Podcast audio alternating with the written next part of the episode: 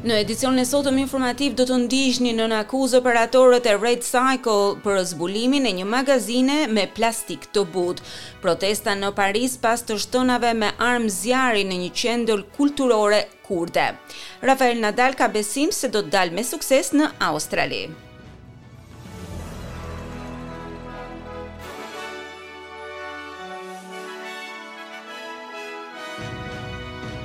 Fillojmë gjerësisht me lajmet, operatorët e Red Cycle janë nën akuzë pasi u zbulua se kishin një sërë magazinash të cilat përmbanin stoqe me qese plastike.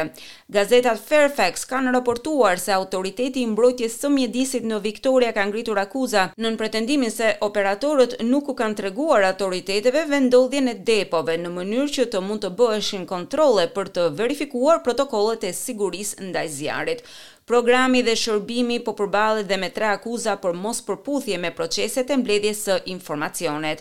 Zyra e Mjedisit vazhdon të identifikojë dhe të inspektojë ato vende të cilat ruajnë depozita me plastika të buta si pjesë e programit Red Cycle, punë e cila do të vazhdojë edhe gjatë periudhave të festave.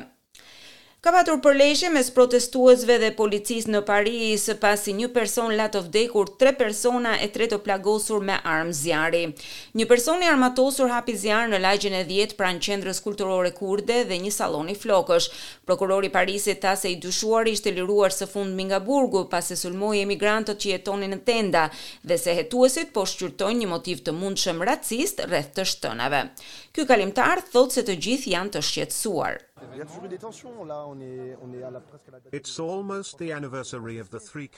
Është pothuajse përvjetori i tre grave kurde që u vranë, ka patur djem që kanë filluar të bëjnë takime dhe ka filluar protesta.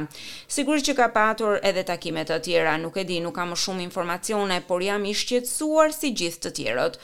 Përleshjet kanë shpërthyer në disa lagje pas të shtënave, ndërsa anëtarët e komunitetit kurd sollën parulla kundër qeverisë turke, duke bërë që policia të përdorte gaz lotsjellës për të shpërndarë turmën e cila po gjendej gjithnjë e më e trazuar. Prokurorët ndërkohë kanë hapur hetime mbi sulmin, mes frikës se ai ishte i motivuar nga ana raciale. Një vrasës i dënuar, për të cilin policia thotë se është përgjegjës për një sërë veprash të pazbardhura në Europë dhe Azi, do të kthehet në Francë pasi u lirua nga një burg në Nepal. Zyrtari i aeroportit në Katmandu, Ratak Rawal, thotë se Charles Sobhraj është larguar nga Nepali me një fluturim të rregullt për në Doha, rrugës për në Paris. Sobhraj u burgos në Nepal për vrasjen e dy personave, megjithatë, ai dyshohet se ka vrarë më shumë se njëzet turistë perëndimorë gjatë viteve një mijë e nëntëqind e shtatëdhjetë-një mijë e nëntëqind e tetëdhjetë.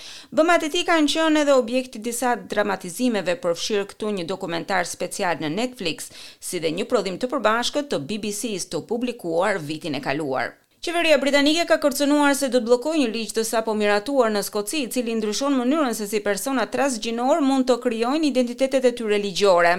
Ajo po shqyrton edhe përdorimin e seksionit tridhjetë e shtatë të një projektligji të njohur si Akti i Skocisë, i cili do të ndalonte që projektligji të bëhej ligj nëse Londra mendon se do të kishte një efekt negativ në çështjet ku qeveria kombëtare ruan juridiksionin përfundimtar. Projektligji i miratuar nga parlamenti i Skocisë e ka bërë atë rajonin e parë të Mbretërisë së Bashkuar që miraton një proces vetë-identifikimi për ndryshimin e gjinisë, duke përfshirë këtu edhe heqjen e nevojës për një diagnozë mjekësore të disforisë gjinore si dhe uljen e moshës minimale në gjashtëmbëdhjetë nga tetëmbëdhjetë vjeç. Por kryeministri britanik Rishi Sunak thotë se nuk është i bindur se ky ligj do të ishte i përshtatshëm. Ka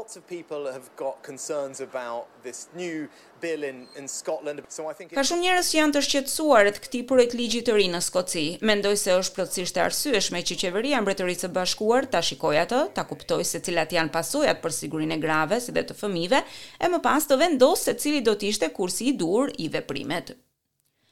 Autoritetet në Australinë e Jugut thonë se po hetojnë shkatërrimin e një arti shkëmbor indigjen në listën e trashëgimisë kulturore, i cili është i shenjtë për pronarët tradicionalë të rrafshit Nullarbor. Arti shkëmbor u shkatërrua nga vandalët që hynë në zonën e shpellës Koonalda duke thyer gardhin me tela me gjemba.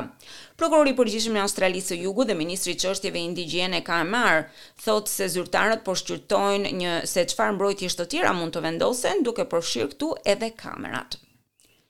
Cikloni Ellie është reduktuar në stuhi tropikale pas një nate të fortë me erë dhe shi në veri të vendit. Përmbytje të mëdha janë raportuar në stacionet Gilby dhe Myatt në Autostradën e Viktorias pranë Timber Creek, megjithatë nuk raportohet për dëme të konsiderueshme. Qantas thotë se ulja e një aeroplani midis Singaporit dhe Londrës u shkaktua nga një defekt në ndjeshmërinë e aparaturave. Fluturimi u detyrua të ulej në Baku të Azerbajxhan pasi pilotët e fluturimit vunë re një tregues në kabinë që sugjeronte se brenda kishte tym. Qantas thotë se inxhinierët kanë inspektuar avionin dhe nuk kanë gjetur asnjë provë. Ata thonë se faji qëndron një aparature jashtë kalibrimit. Numri i rasteve me Covid në zonat e kujdesit të të moshuarve me sa duket po rritet përpara Krishtlindjeve edhe pse mesatarja kombëtare ka qenë në rënie. Shifrat e raportuara nga Departamenti Australian i Shëndetësisë tregojnë se aktualisht ka nëntëqind e pesëmbëdhjetë shpërthime të koronavirusit nëpër shtëpitë e kujdesit për të moshuar, një rritje prej mbi dyqind që nga java e kaluar. Nëpër shtëpitë e kujdesit të të moshuarve janë regjistruar njëqind e dy vdekje.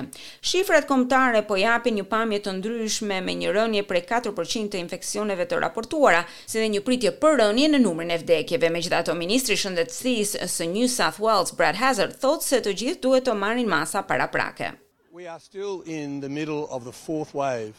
Jemi akoma në mes të valës së katërt. Ka akoma njerëz që sëmuren apo që humbin jetën. Mundoni ta shijoni sezonin festiv, por jini të kujdesshëm. Kjo mund të tingëllojë pak rëndomtë, po bëni një test përpara se të shkoni nëpër festa, kjo do të ishte një ide shumë e mirë për të mbrojtur personat që doni. Blerësit pritet që të përfitojnë akoma më shumë nga shitjet e Boxing Day këtë vit, pavarësisht kostos në rritje të jetesës e cila sforcon buxhetet e familjeve. Të dhënat e klientëve nga banka ANZ gjatë periudhës së nëntorit e deri në fillim të dhjetorit sugjeruan se shpenzimet janë ende të dobëta pasi të merret parasysh inflacioni. Por Shoqata Australiane e Shitësve me Pakicë është optimiste duke thënë se pret një rritje pothuajse tetë për qind të shpenzimeve pas Krishtlindjeve.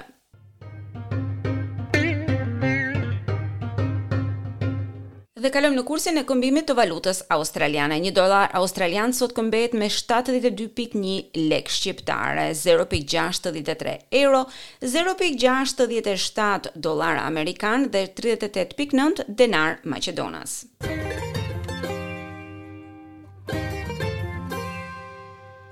Kalojmë në sport ku Rafael Nadal thotë se do të mbrojë me sukses titullin e tij në Australian Open në janar, pavarësisht nga një dëmtim, i cili ka ndikuar në performancën e tij sportive gjatë gjysmës së dytë të vitit dy mijë e njëzet e dy. Nadal do të udhëtojë për në Sidni të hënën për të luajtur në turneun miks të United Cup në përgatitje për Australian Open. Tridhjetë e gjashtë vjeçari aktualisht po stërvitet në Spanjë pas një turneu në Amerikën Latine së bashku me norvegjezin Casper Ruud. Ai thotë se beson se është pak i dëmtuar për momentin, por do të jetë përsëri konkurrues për fushatën e tij australiane. Dhe kalojmë në parashikimin e motit, sot nëpër qytetet australiane janë regjistruar këto temperatura, Sydney tetëmbëdhjetë, njëzet e nëntë, Melbourne pesëmbëdhjetë, njëzet e tre, Brisbane njëzet e një, njëzet e tetë, Perth nëntëmbëdhjetë, tridhjetë e një, Adelaide trembëdhjetë, njëzet e gjashtë, Canberra njëmbëdhjetë njëzet e nëntë, Hobart katërmbëdhjetë njëzet e dy dhe Darwin njëzet e pesë tridhjetë e një gradë Celsius. Për nesër byroja e parashikimit të motit sjell këto temperatura, Sydney nëntëmbëdhjetë njëzet e tetë, Melbourne trembëdhjetë tridhjetë, Brisbane njëzet e një njëzet e tetë, Perth tetëmbëdhjetë tridhjetë, Adelaide pesëmbëdhjetë tridhjetë e dy, Canberra dymbëdhjetë tridhjetë e një, Hobart dymbëdhjetë njëzet e gjashtë, Darwin njëzet e pesë tridhjetë e dy gradë Celsius. Ndoqët edicionin informativ.